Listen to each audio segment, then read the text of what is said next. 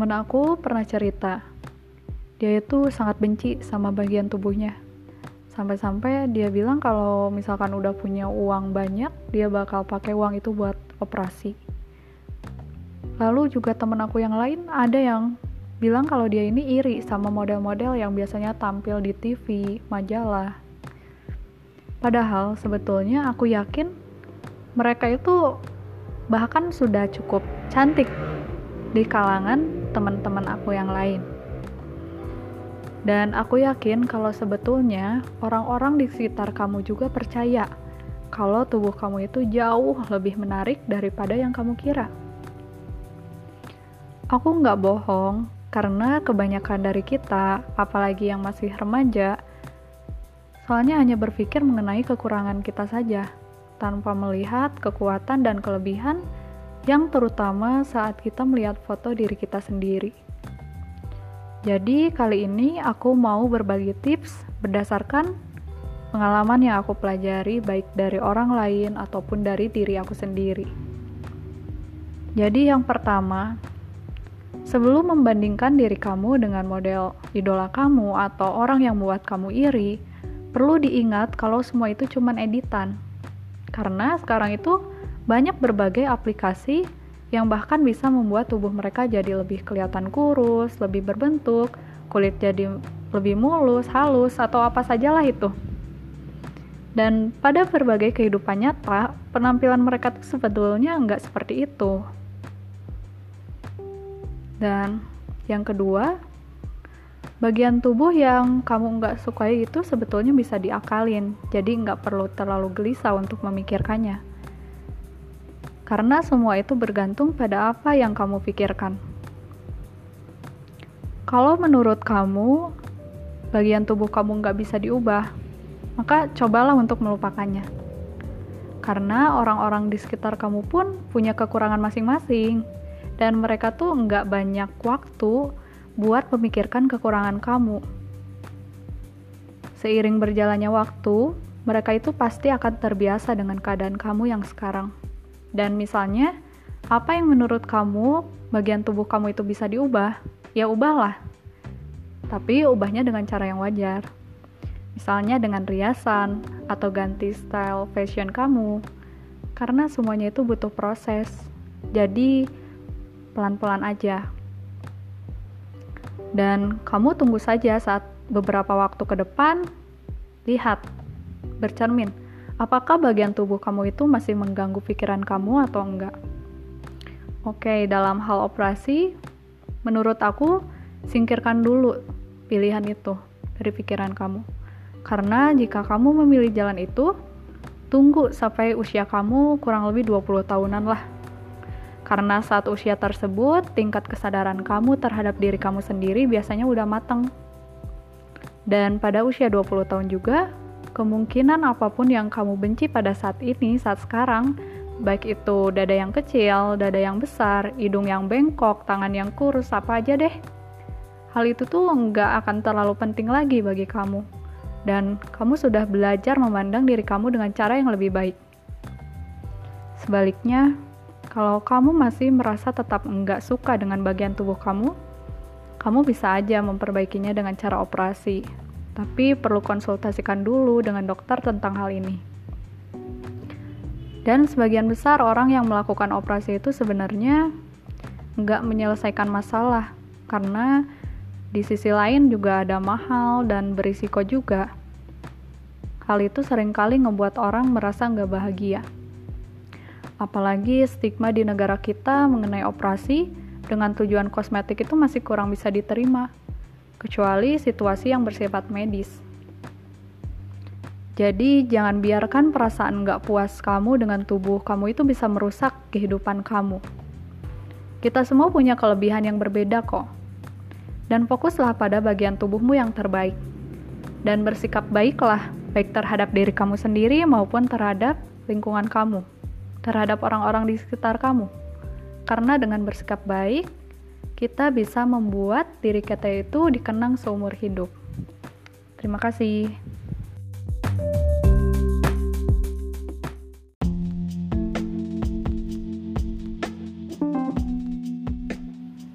Tak ada yang lebih aneh dari anehnya Februari.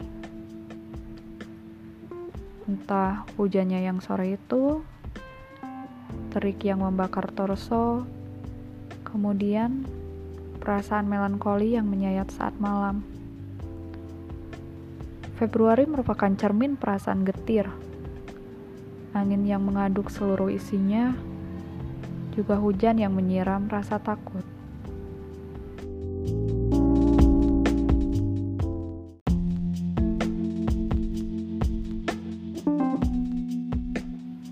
Tak ada yang lebih aneh dari anehnya Februari.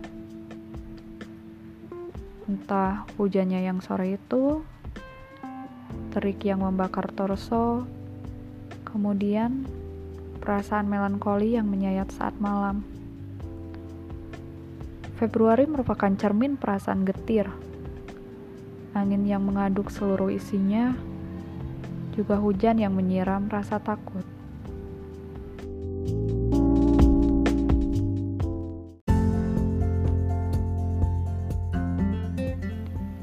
Di antara kita semua pasti pernah punya keinginan yang sangat kuat untuk rebahan jadi lebih enak. Tiduran aja deh. Nonton drama aja sepanjang hari seharian. Tapi di dalam batin kita tuh sadar kalau itu tuh suatu yang nggak baik. Dan kita sendiri yang menyimpulkan kalau kita tuh nggak beres kita punya rasa malas yang berlebihan. Padahal sebetulnya malas itu apa sih? Nah, kalau menurut aku, malas itu ketika kita enggak menyukai pekerjaan yang kita lakukan. Jadi malas itu enggak selalu punya arti yang buruk. Justru karena kita sadar kita malas, kita merasa harus secepatnya mengatasi hal tersebut.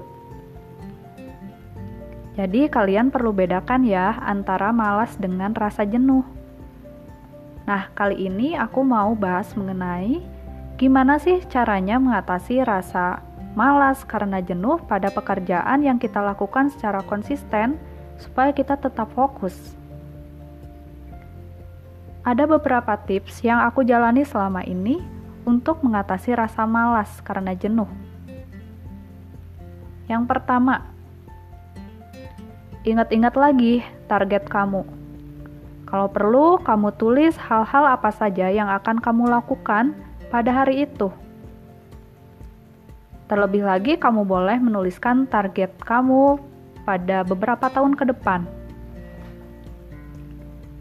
Misalnya nih, kalau kamu sebagai pelajar kamu tulis di papan tulis kecil atau misalkan di dinding hal-hal apa saja yang akan kamu lakukan pada waktu pagi, siang, malam.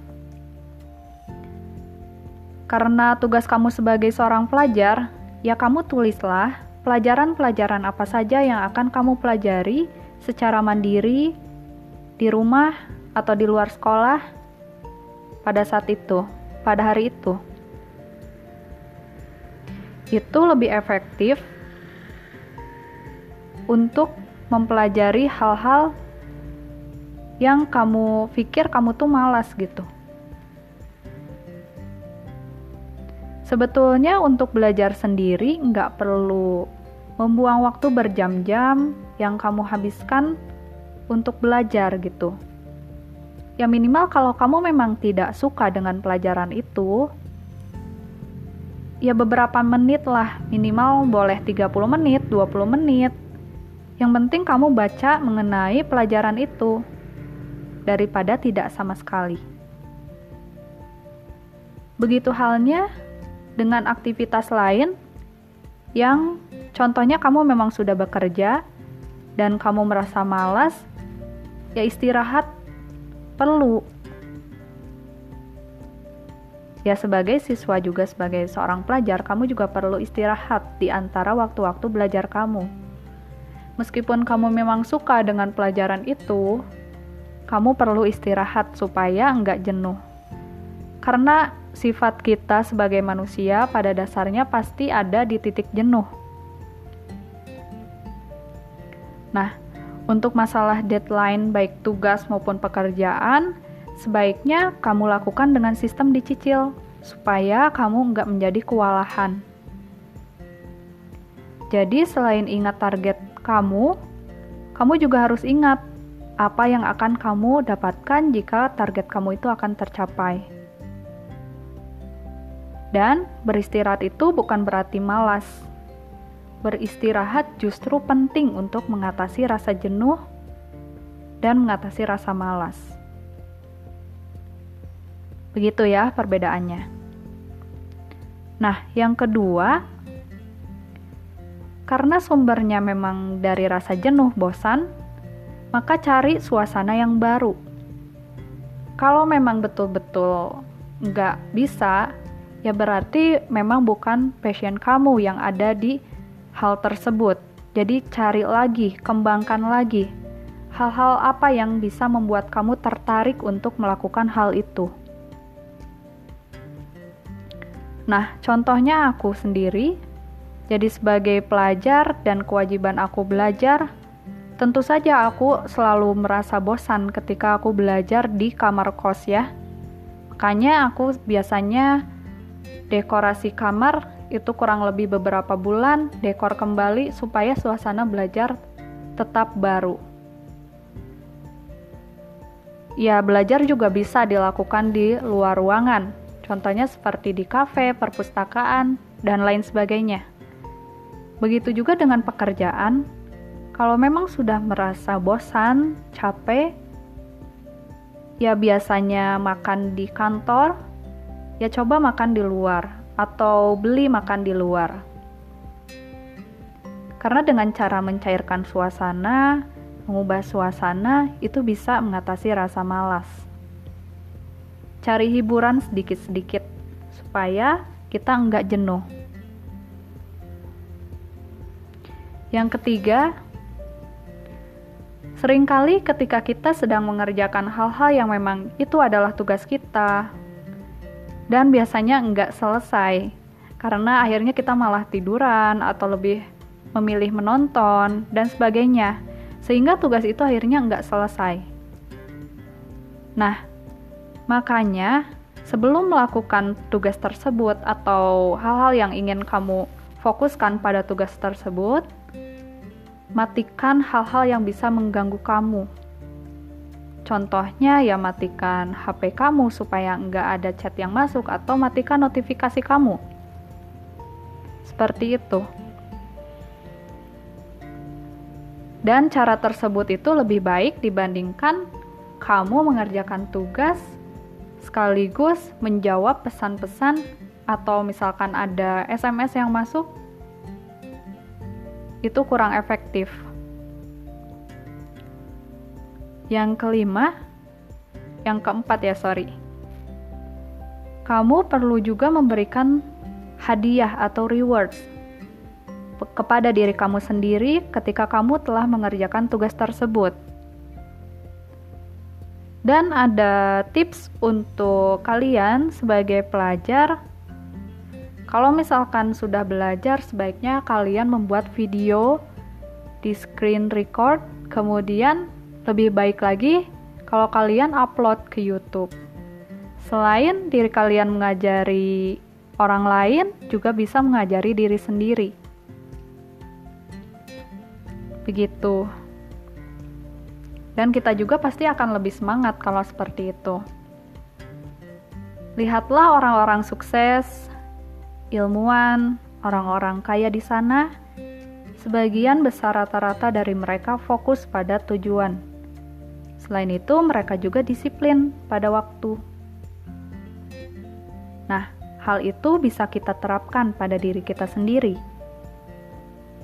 Jadi, dimulailah dari hal-hal yang kecil. Ya, mungkin cukup sekian yang bisa aku bagikan kepada kalian. Semoga kalian tetap mendapatkan hidup yang produktif, bisa mengatasi rasa malas, tetap semangat. Terima kasih.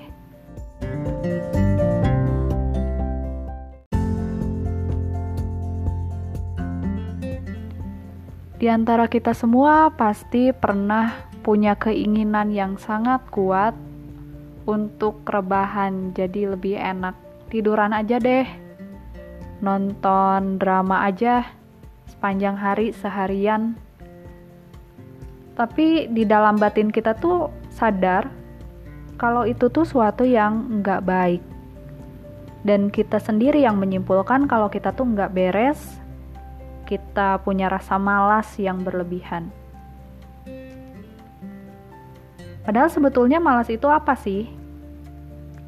Nah, kalau menurut aku, malas itu ketika kita enggak menyukai pekerjaan yang kita lakukan. Jadi malas itu enggak selalu punya arti yang buruk. Justru karena kita sadar kita malas, kita merasa harus secepatnya mengatasi hal tersebut. Jadi kalian perlu bedakan ya antara malas dengan rasa jenuh.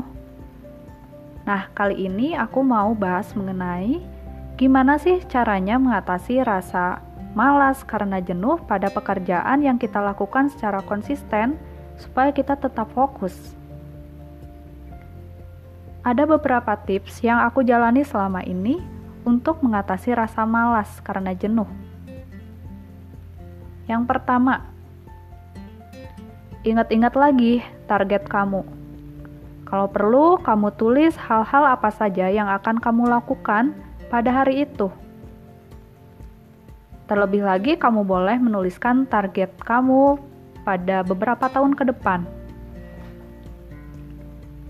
Misalnya nih, kalau kamu sebagai pelajar, kamu tulis di papan tulis kecil atau misalkan di dinding hal-hal apa saja yang akan kamu lakukan pada waktu pagi, siang, malam. Karena tugas kamu sebagai seorang pelajar, ya kamu tulislah pelajaran-pelajaran apa saja yang akan kamu pelajari secara mandiri di rumah atau di luar sekolah pada saat itu, pada hari itu. Itu lebih efektif untuk mempelajari hal-hal yang kamu pikir kamu tuh malas gitu. Sebetulnya untuk belajar sendiri nggak perlu membuang waktu berjam-jam yang kamu habiskan untuk belajar gitu. Ya minimal kalau kamu memang tidak suka dengan pelajaran itu, ya beberapa menit lah, minimal boleh 30 menit, 20 menit, yang penting kamu baca mengenai pelajaran itu daripada tidak sama sekali. Begitu halnya dengan aktivitas lain yang contohnya kamu memang sudah bekerja dan kamu merasa malas, ya istirahat perlu. Ya sebagai siswa juga sebagai seorang pelajar, kamu juga perlu istirahat di antara waktu-waktu belajar kamu meskipun kamu memang suka dengan pelajaran itu, kamu perlu istirahat supaya enggak jenuh. Karena sifat kita sebagai manusia pada dasarnya pasti ada di titik jenuh. Nah, untuk masalah deadline baik tugas maupun pekerjaan, sebaiknya kamu lakukan dengan sistem dicicil supaya kamu enggak menjadi kewalahan. Jadi selain ingat target kamu, kamu juga harus ingat apa yang akan kamu dapatkan jika target kamu itu akan tercapai. Dan beristirahat itu bukan berarti malas. Beristirahat justru penting untuk mengatasi rasa jenuh dan mengatasi rasa malas. Begitu ya perbedaannya. Nah, yang kedua, karena sumbernya memang dari rasa jenuh, bosan, maka cari suasana yang baru. Kalau memang betul-betul nggak bisa, ya berarti memang bukan passion kamu yang ada di hal tersebut. Jadi cari lagi, kembangkan lagi hal-hal apa yang bisa membuat kamu tertarik untuk melakukan hal itu. Nah, contohnya aku sendiri jadi sebagai pelajar dan kewajiban aku belajar, Tentu saja aku selalu merasa bosan ketika aku belajar di kamar kos ya. Makanya aku biasanya dekorasi kamar itu kurang lebih beberapa bulan dekor kembali supaya suasana belajar tetap baru. Ya, belajar juga bisa dilakukan di luar ruangan, contohnya seperti di kafe, perpustakaan, dan lain sebagainya. Begitu juga dengan pekerjaan, kalau memang sudah merasa bosan, capek, ya biasanya makan di kantor, ya coba makan di luar atau beli makan di luar. Karena dengan cara mencairkan suasana, mengubah suasana, itu bisa mengatasi rasa malas. Cari hiburan sedikit-sedikit supaya kita enggak jenuh. Yang ketiga, sering kali ketika kita sedang mengerjakan hal-hal yang memang itu adalah tugas kita, dan biasanya enggak selesai, karena akhirnya kita malah tiduran atau lebih memilih menonton dan sebagainya, sehingga tugas itu akhirnya enggak selesai. Nah, makanya sebelum melakukan tugas tersebut atau hal-hal yang ingin kamu fokuskan pada tugas tersebut, matikan hal-hal yang bisa mengganggu kamu. Contohnya ya matikan HP kamu supaya nggak ada chat yang masuk atau matikan notifikasi kamu. Seperti itu. Dan cara tersebut itu lebih baik dibandingkan kamu mengerjakan tugas sekaligus menjawab pesan-pesan atau misalkan ada SMS yang masuk itu kurang efektif. Yang kelima, yang keempat ya, sorry. Kamu perlu juga memberikan hadiah atau rewards kepada diri kamu sendiri ketika kamu telah mengerjakan tugas tersebut. Dan ada tips untuk kalian sebagai pelajar kalau misalkan sudah belajar, sebaiknya kalian membuat video di screen record, kemudian lebih baik lagi kalau kalian upload ke YouTube. Selain diri kalian mengajari orang lain, juga bisa mengajari diri sendiri. Begitu. Dan kita juga pasti akan lebih semangat kalau seperti itu. Lihatlah orang-orang sukses ilmuwan, orang-orang kaya di sana, sebagian besar rata-rata dari mereka fokus pada tujuan. Selain itu, mereka juga disiplin pada waktu. Nah, hal itu bisa kita terapkan pada diri kita sendiri. Jadi, dimulailah dari hal-hal yang kecil. Ya, mungkin cukup sekian yang bisa aku bagikan kepada kalian. Semoga kalian tetap mendapatkan hidup yang produktif, bisa mengatasi rasa malas, tetap semangat. Terima kasih.